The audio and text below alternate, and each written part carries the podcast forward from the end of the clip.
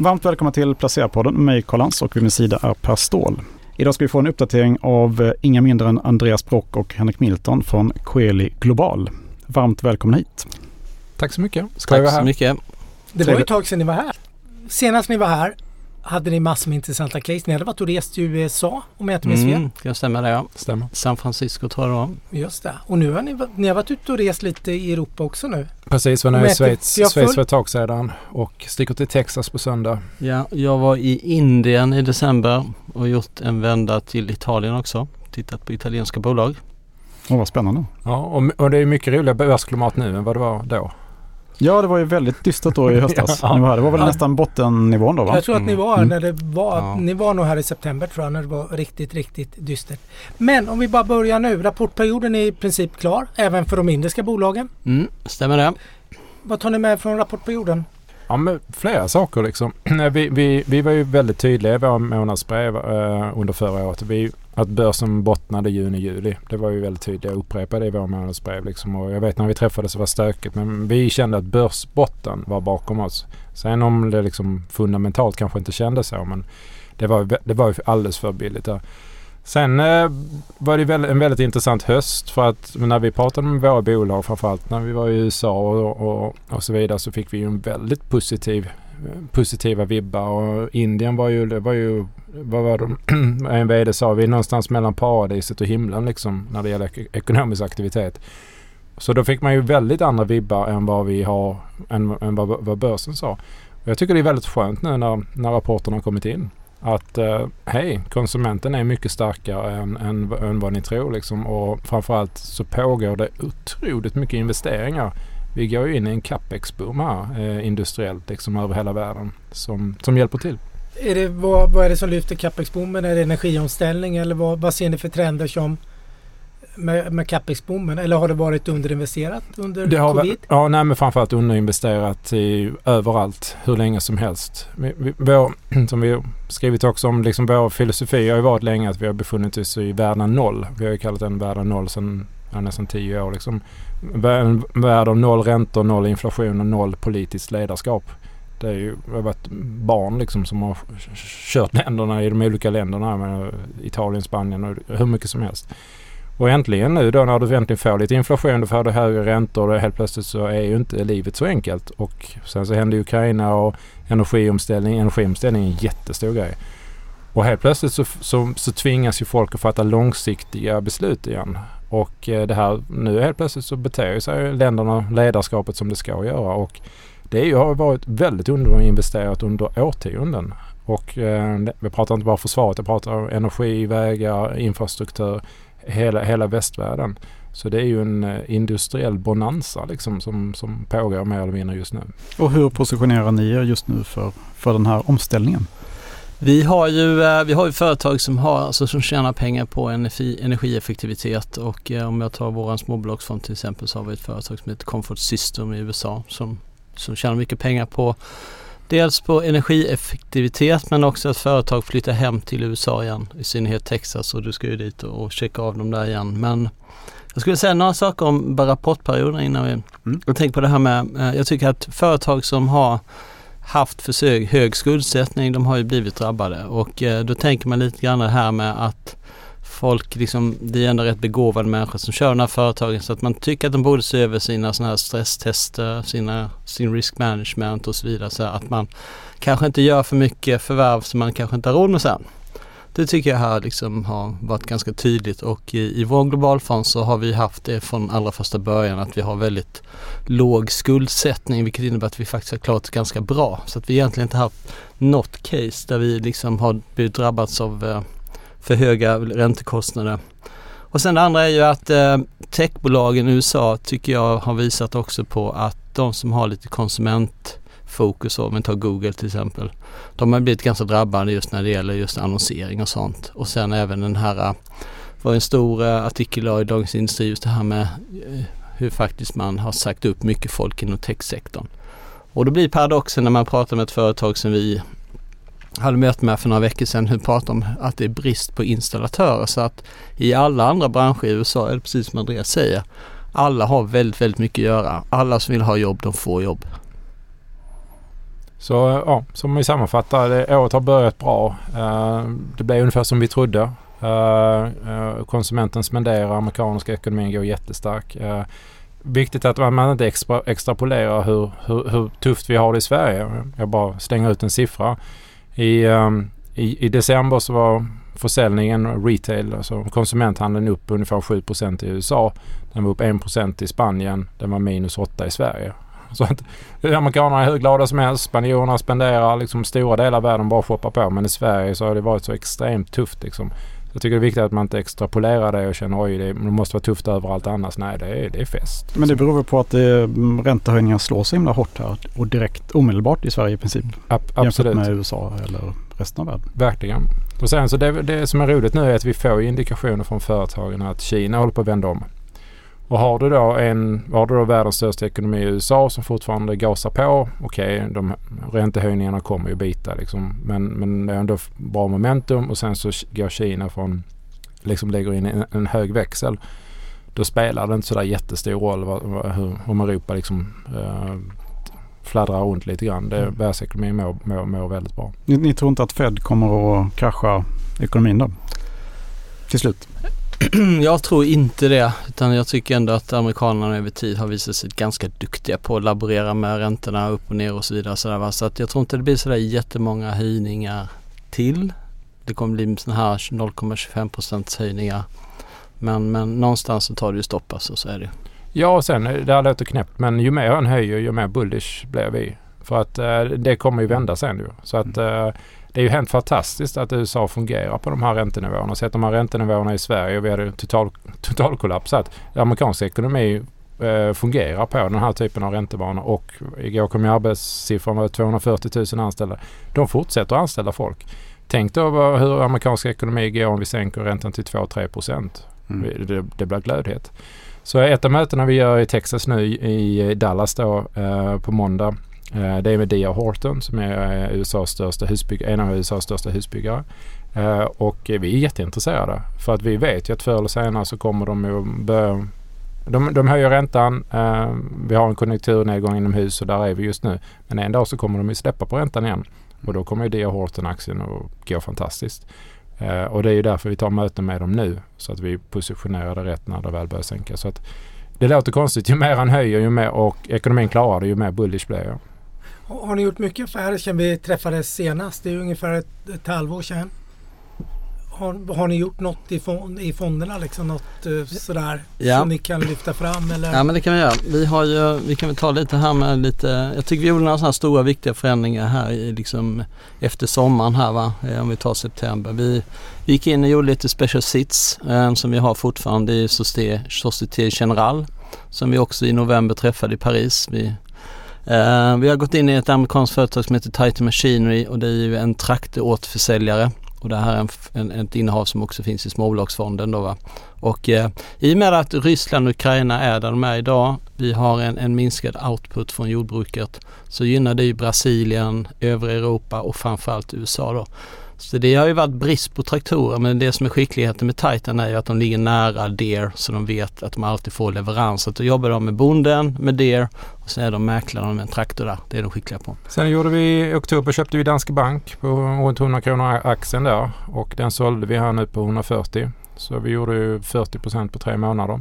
Uh, vi köpte också AutoNation i, i november vilket jag nu har vi inte varit här men jag har sagt i många kundmöten är det eh, enklaste sättet jag någonsin tjänat pengar i mitt liv. Um, uh, helt galet. Uh, ett företag, AutoNation, USAs största bilhandlare, ligger och köper tillbaka 25% av utstående aktierna per år.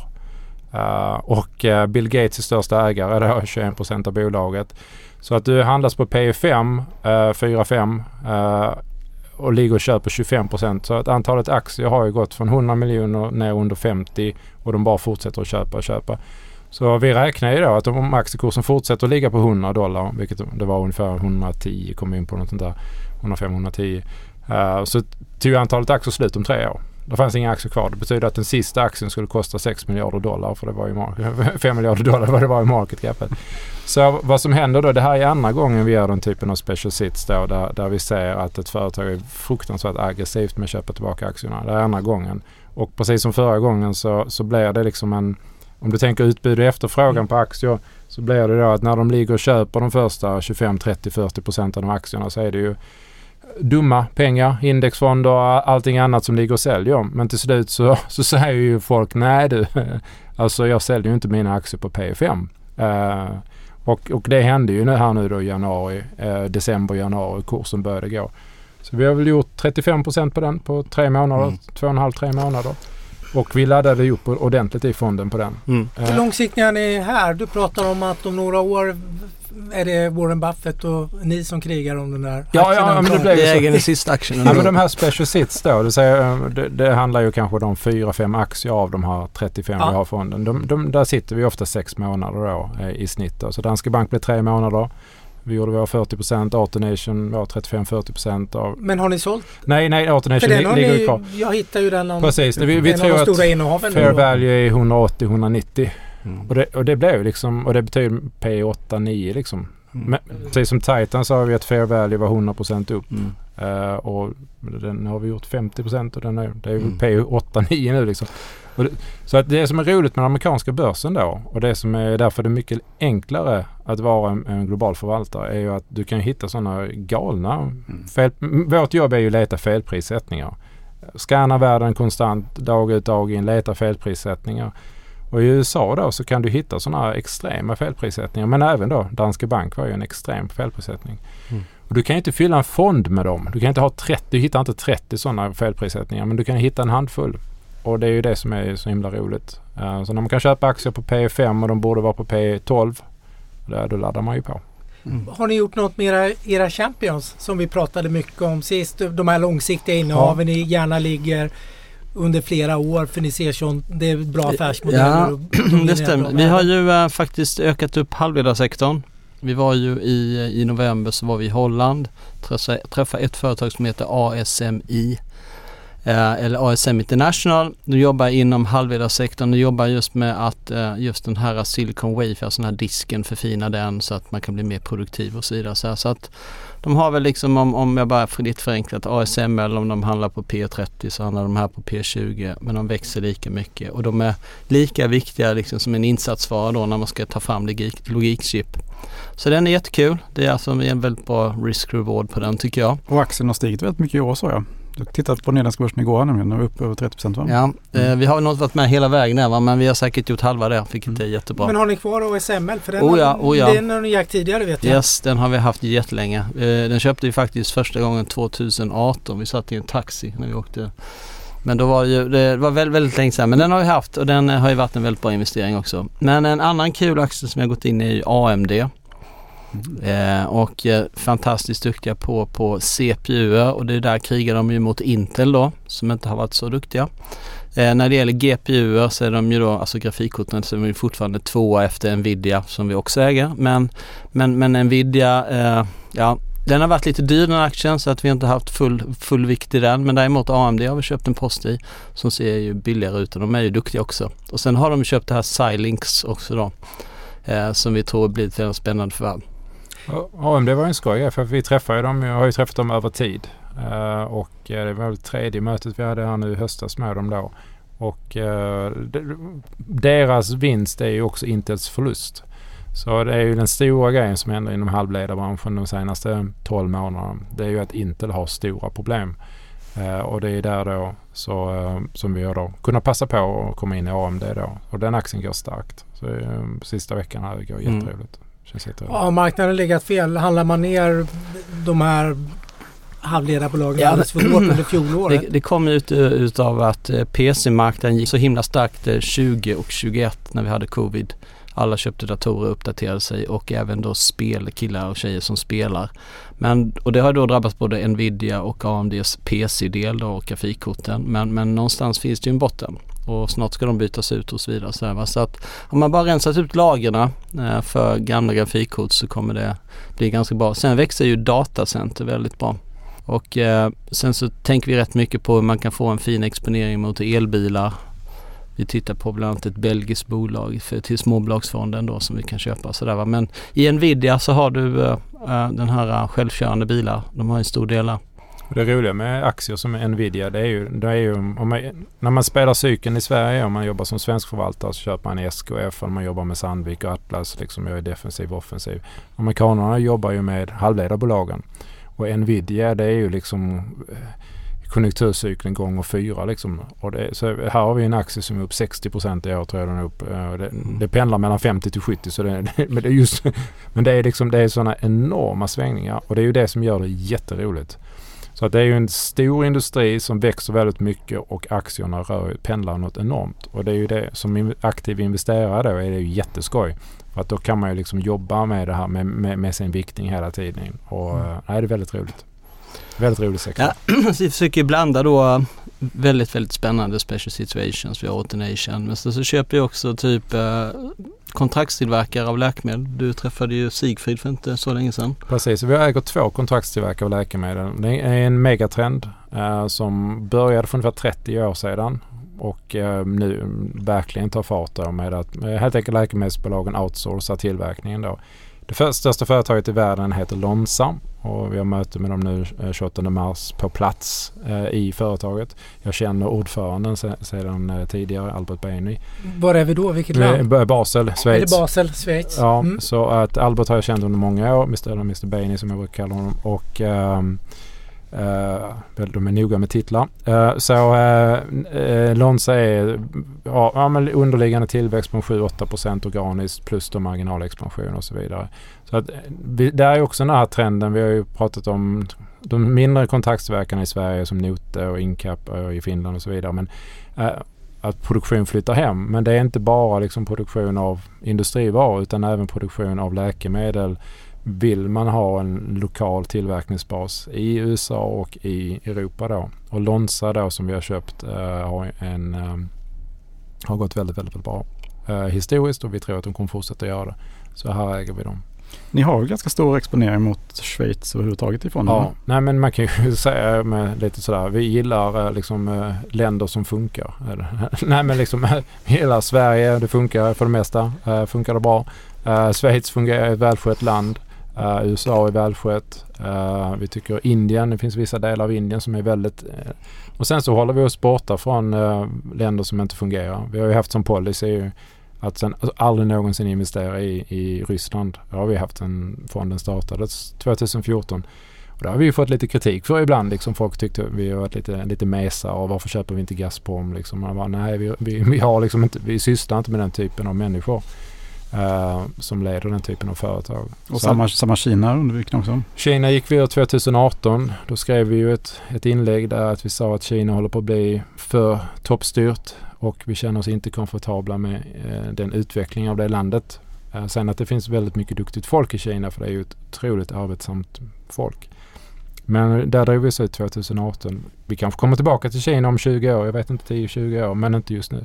Så om man tänker vilka länder, ja, vi gillar Sverige, vi gillar Schweiz, norra Italien är jättevälskött, USA är jättevälskött och så vidare. Man måste, så bara för att man är en global fond så ska man inte investera över hela världen. Jag har träffat italiensk maffia liksom, trust me. Vissa italienska bolag får man ju se upp för liksom. Utan det gäller ju att hitta de här mm. guldkornen liksom. Jag var ju i Italien i februari ja, precis, jag och jag, fråga, jag, jag, tänkte säga jag frågade precis när han ställde den frågan till italienarna då liksom, var går gränsen mellan liksom det här bra och det liksom det annorlunda i Italien då och eh, de hävdar att det är några mil söder om Florens då va? Så att mm. så man köper företag ovanför, alltså Florens och sen uppåt. Där hittar ja, man dem.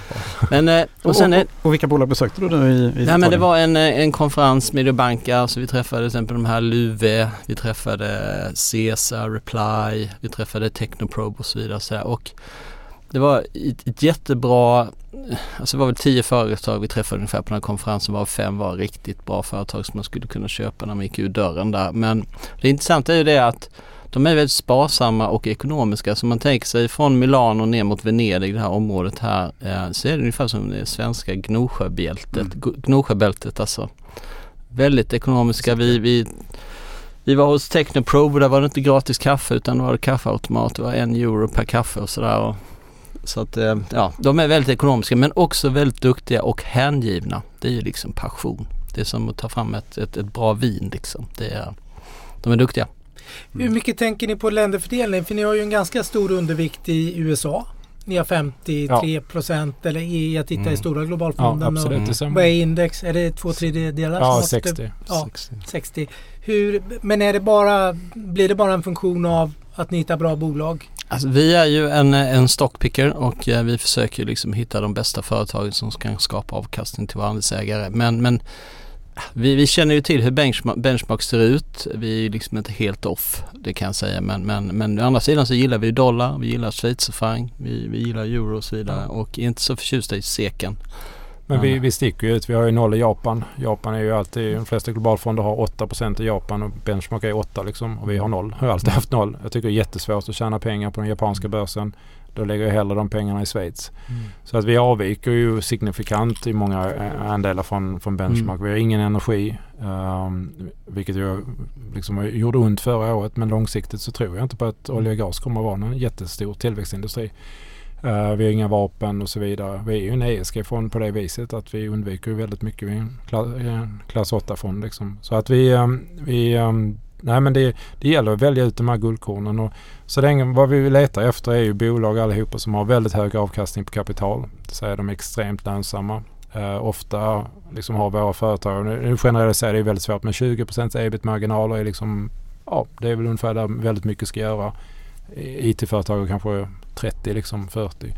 Eh, det ska vara, och sen ska de ju växa då, gärna vinsten med 15% per år. Och det betyder att vi kan ju inte jag hade inte kunnat sätta ihop den här portföljen i Sverige men kan vi sätta ihop den liksom över hela världen så kan vi hitta 15. Och sen det här med, med låga, starka balansräkningar och ett management. Vi brukar kalla det för någon sorts eh, mindervärdeskomplex. Eh, jag menar, jag har fullt med mindervärdeskomplex. Jag är från en liten by i Skåne liksom och jag har kämpat hela mitt liv. Ehm, och den här andan liksom vill vi ha i företagen också. Att de, de vill visa, visa vad de går för och att de grundar fortfarande där och vill driva företaget som Nvidia, Jason Chang är fortfarande där. Liksom det är, så sätter man ihop en portfölj av 30 av sådana företag så slår man ju index över tid. Peppa peppa tar i träd. Det är, ju, det är ju rätt svårt liksom att inte göra det. Och sen så blir det då mycket i USA. Ibland har vi kanske, jag tror aldrig vi har haft mer än benchmark mot USA någonsin. Men, men, men vi, vi hamnar väl där liksom att det, ja, det, är, det är mycket välskött där borta. Det är mycket hälsosektor i er portfölj Ja men det gillar vi. de, är, de har den här relativt ocykliska tillväxten 6, 7, 8 procent per år och sen så tickar på. Amerikanerna är, lägger väldigt mycket av sin, sina pengar på hälsovård. Och eh, en kompis till mig bor nu i, i Washington då och han oroar över hur fantastisk den amerikanska hälsovården är. Per person ligger en amerikan ungefär 10 000 kronor i månaden på hälsovård. Men de får ju också utveckling för det, liksom, utväxling för det. Det är ju därför allting blev Pfizer, coronaviruset. För där, där har de tillverkningsenheterna och det är där de har kompetensen. Så att eh, USA har mycket fina häls eh, hälsovårdsföretag. Sen har vi ju det i Novo Nordisk. Vi äger inte Novo Nordisk men det är ju också klart ett jättefint företag. Men, eh, men amerikanerna är duktiga. Så att vi, en av våra största positioner har varit ett bolag som heter eh, HCA som är, eh, driver 200 sjukhus eh, plus i USA. Och det häftiga med dem då är att Uh, de ligger och köper tillbaka aktier hela tiden. Så att fastän de växer bara med 3-4% topline liksom per år och sen så är det lite pris.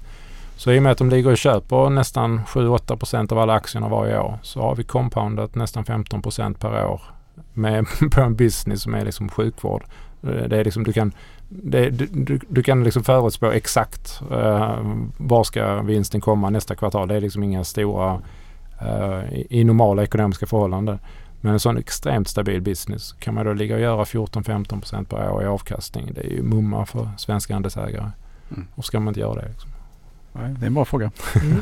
Är det en viktig faktor just att de håller på med aktieköp? Känner ni att jag skulle säga att det är det, för det gör vårt liv väldigt enkelt. För att eh, i, i, Sverige så finns ju den här traditionen av, eh, eller kulturen ska jag säga, av att dela ut väldigt mycket och det är ju stora direktavkastningar som kommer ut och så vidare. Amerikanerna är ju annorlunda eh, och eh, om vi tar, vi har pratat mycket om, om eh, hälsovård och så vidare, men om vi tar S&P Global då som har den här S&P ratingen då. Förra året så köpte de tillbaka 9% av sina aktier.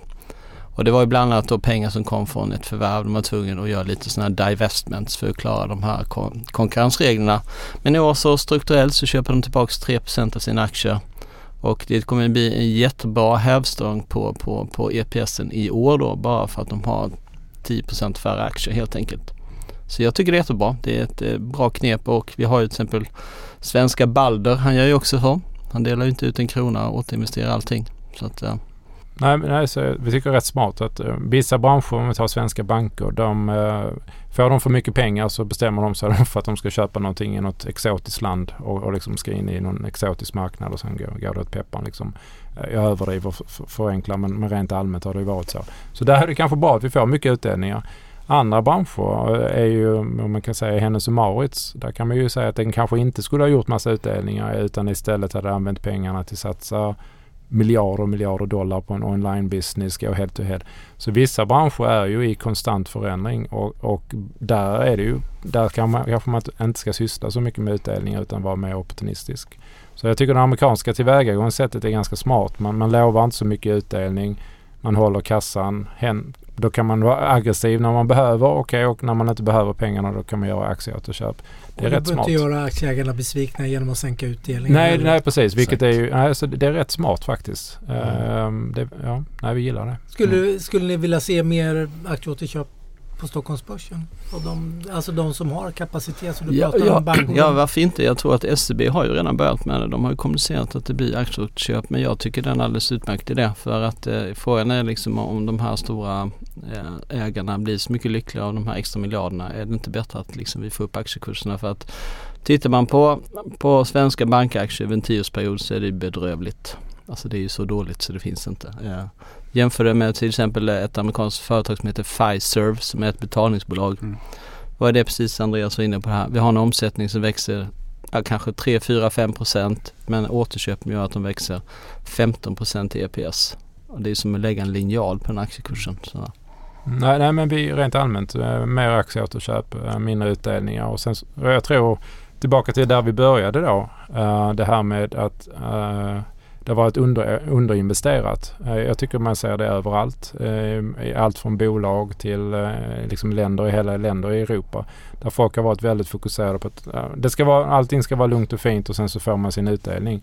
Problemet är att världen är i otrolig förändring. Vi har ett Kina som är otroligt aggressivt och investerar. Amerikanerna investerar ju väldigt mycket. Vi ser idag flera företag som flyttar från London till USA. De vill inte ens vara i Europa längre. De vill inte ha sin listning här. Ingen så att Europa, och, vi behöver använda vårt kapital mycket mer aggressivt än att bara göra utdelningar. Men sen ska man väl också säga att det finns ju en del företag eh, som, som är sådana här roll-up stories, alltså som har det som är serieförvärvare. Och där kan man säga, där gör de ju lite av det här. Va? Det vill säga att de använder sitt kassaflöde och sen kanske en liten nyemission då och då, lite banklån och så växer de då via förvärv. Så att det har varit den svenska vägen. Precis, kanske, det kan man ju du, säga. Ja. Så det är inte, vi ska inte liksom uh, säga att allting är dåligt. Nej, och vi, vi var ju med och stöttade BRF nu. Uh, vi var ju med på deras extra årsstämma och uh, fick, fick faktiskt vara justerare av protokollet vilket var en, en stor ära. Uh, och vi har ju pushat väldigt mycket för att de ska gå in i USA och nu kommer det här stora förvärvet och nu ska de ta in kapital liksom och det är ju jättehärligt att se den här framåtandan. Uh, nu kör vi. Och sen så också att använda börsen som den finansieringskälla det, den, den ska användas till. Att inte vara rädd att, att, att använda. För att uh, vi är redo ge kapital till, eh, till, till bolag som vill växa.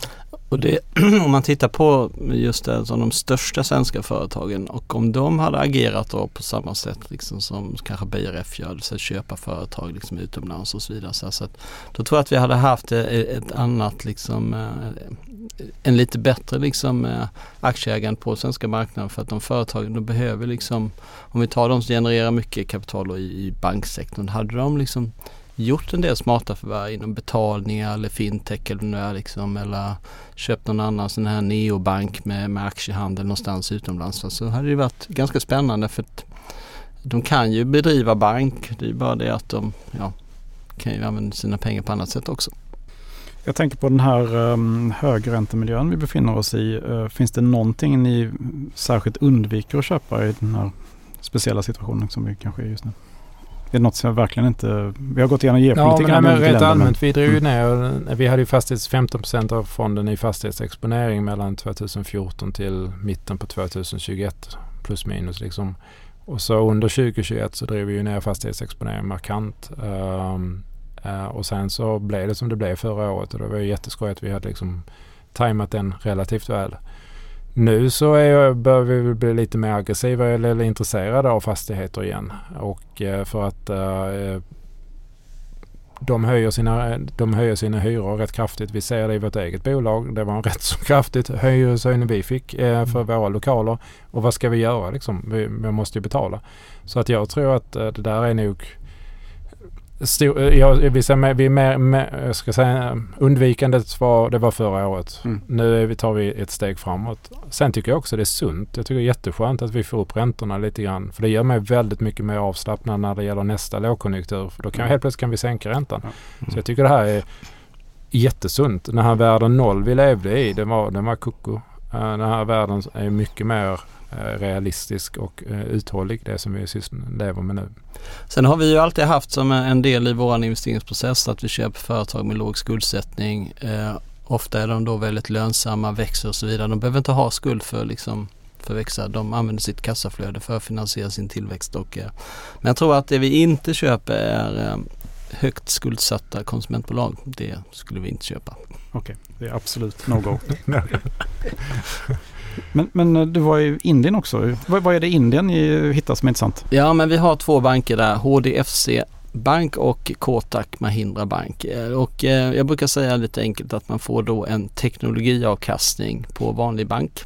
Eh, de tjänar mest pengar på att låna ut pengar till, till, till företag och folk och man brukar säga att att Indiens, en indisk privatbank växer ungefär två till tre gånger indisk BNP och då har vi alltså någonstans runt 20% lånetillväxt och då blir det lika mycket i EPS-tillväxt.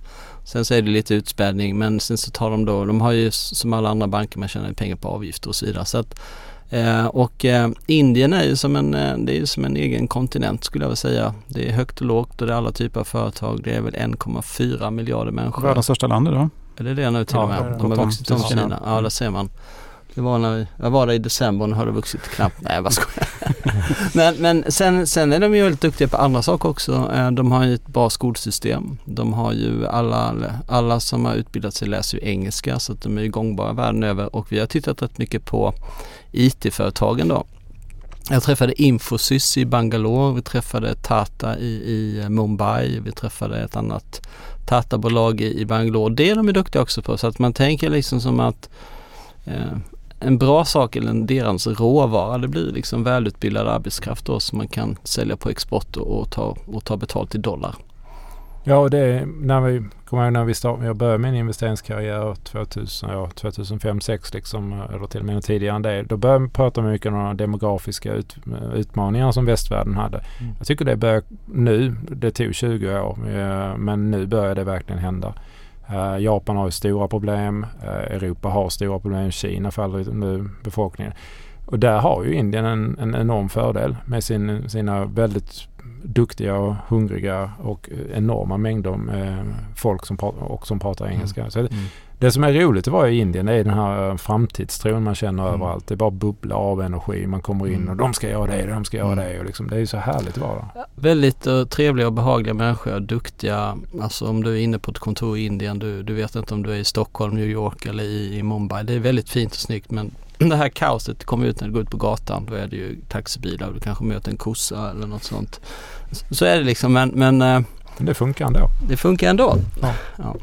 Så att nej, nej men Indien gillar vi. Mm. Uh, och ha den här liksom, balansen av då att ja vi äger Atlas Copco i Sverige och BRF. Det mm. bästa vi har i Sverige. Mm. Vi äger de två främsta bankerna i Indien. Mm. Vi äger då det bästa av världens teknologi genom USA. Vi äger L'Oreal, det bästa liksom i kosmetik och Eh, och ja, schampo och hårvård liksom i, i Frankrike. Så kan du sätta ihop de portföljer det, av helt fant det, vi mm. kallar då världens mm. finaste bolag.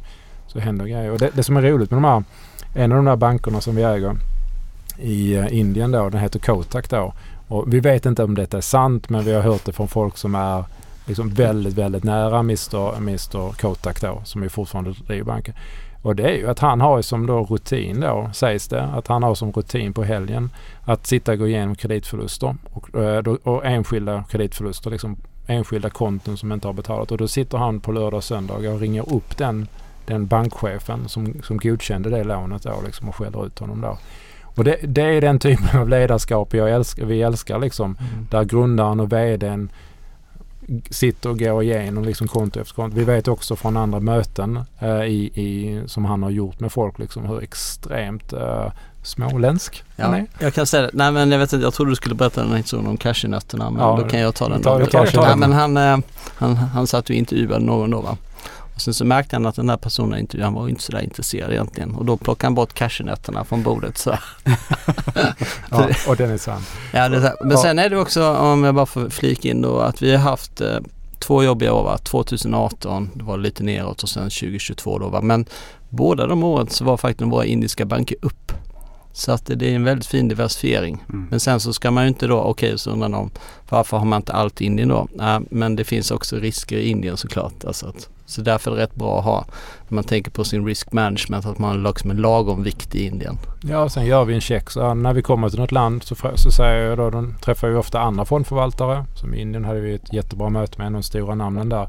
Och så säger, visar vi upp vad vi äger i Indien och de säger bara wow. Det är liksom HDFC KT, det är det bästa liksom. Mm. Sen så när vi är i USA och så säger vi att ja, men vi, äger, vi äger en Apple eller vi äger eh, Thermo Fisher. Ja, de bara wow, bara wow liksom. Då, vet man liksom, får man den här kvalitetschecken också då. Och, och, men skulle vi äga 40 bolag i Indien, ja, då hade det nog varit ett par wow och ett par tre frågetecken också. Liksom. Mycket, det var mycket information. Ja, vi har varit runt hela planeten Ja, vi nu. har varit runt som man ska vara i en global fond, tycker jag.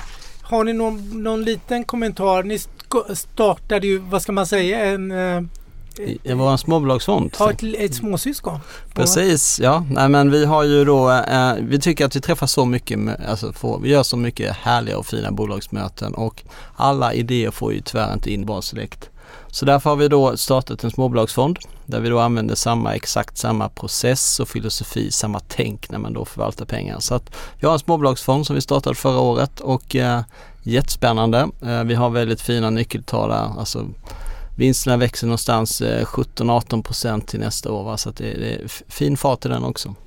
Är det lättare att hitta, vi har ju pratat ganska mycket dels återköpsbolag men mycket kött och blod för det kommer man ju inte ifrån. Ni, ni tittar mycket på att ägarna är kvar, kanske grundare och Ja. eh, starka ledare. Precis. Är det lättare att hitta det i småbolagen? Eh, ja men definitivt. Det är ju, de är ju mer entreprenörsdrivna och det är ju en av våra liksom eh, tick in the box när vi köper småbolag att entreprenören gärna ska vara kvar. Och eh, förra året så, eller, så anställde vi också då tre nya analytiker då, som ska hjälpa oss i, i hela globalteamet och, och, och titta ut. Och så att det är ju det är mer arbetsintensivt men, men lite enkelt här så kan vi ju lätt göra liksom som team 200 bolagsmöten under ett år och, och vi har väldigt bra kapacitet numera. Precis och, och även, även när det gäller hållbarhet då så märker vi då, jag menar, vi har ju hoppas vi kunna påverka en hel del av de här stora bolagen eh, med, med deras hållbarhetsarbete. Men när det gäller småbolagen där är det ju liksom kom och hjälp mig ibland liksom. Det, och där, där tycker jag vi, vi kan spela en väldigt aktiv roll där vi beskriver hur, hur best in class be, beter sig och sen så lägger vi ut så här beter sig best in class. Det här kanske ni också kan använda och det är väldigt roliga diskussioner framförallt i, i USA. Uh, där har du ju småbolag. Vi tycker att vi märker en rätt stor förändring de senaste 12 månaderna på hållbarhet bland amerikanska småbolag. Tidigare har det varit liksom eh, frågetecken, tre utropstecken. Uh, nu så börjar det bli liksom, jaha, uh, nu såg jag något amerikanskt småbolag här. Nu matar de in ett ESG-mål. Liksom. De skulle, du vet, om vi pratade med en VD här, det var jätteroligt, med Modine Manufacturing ett, uh, uppe mot Chicago-området. Lite 40-årig VD, eh, han ville prata ESG med oss. Och det var så himla härligt. Det var väl första gången där en amerikansk VD liksom initiativet kom från honom.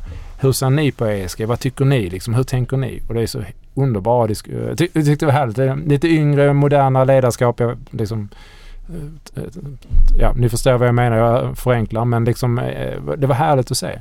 Så att nu kommer det där. Så i småbolagsfonden kan vi vara mycket mer eh, bollplank. Det tycker jag är jätteskoj. Mm.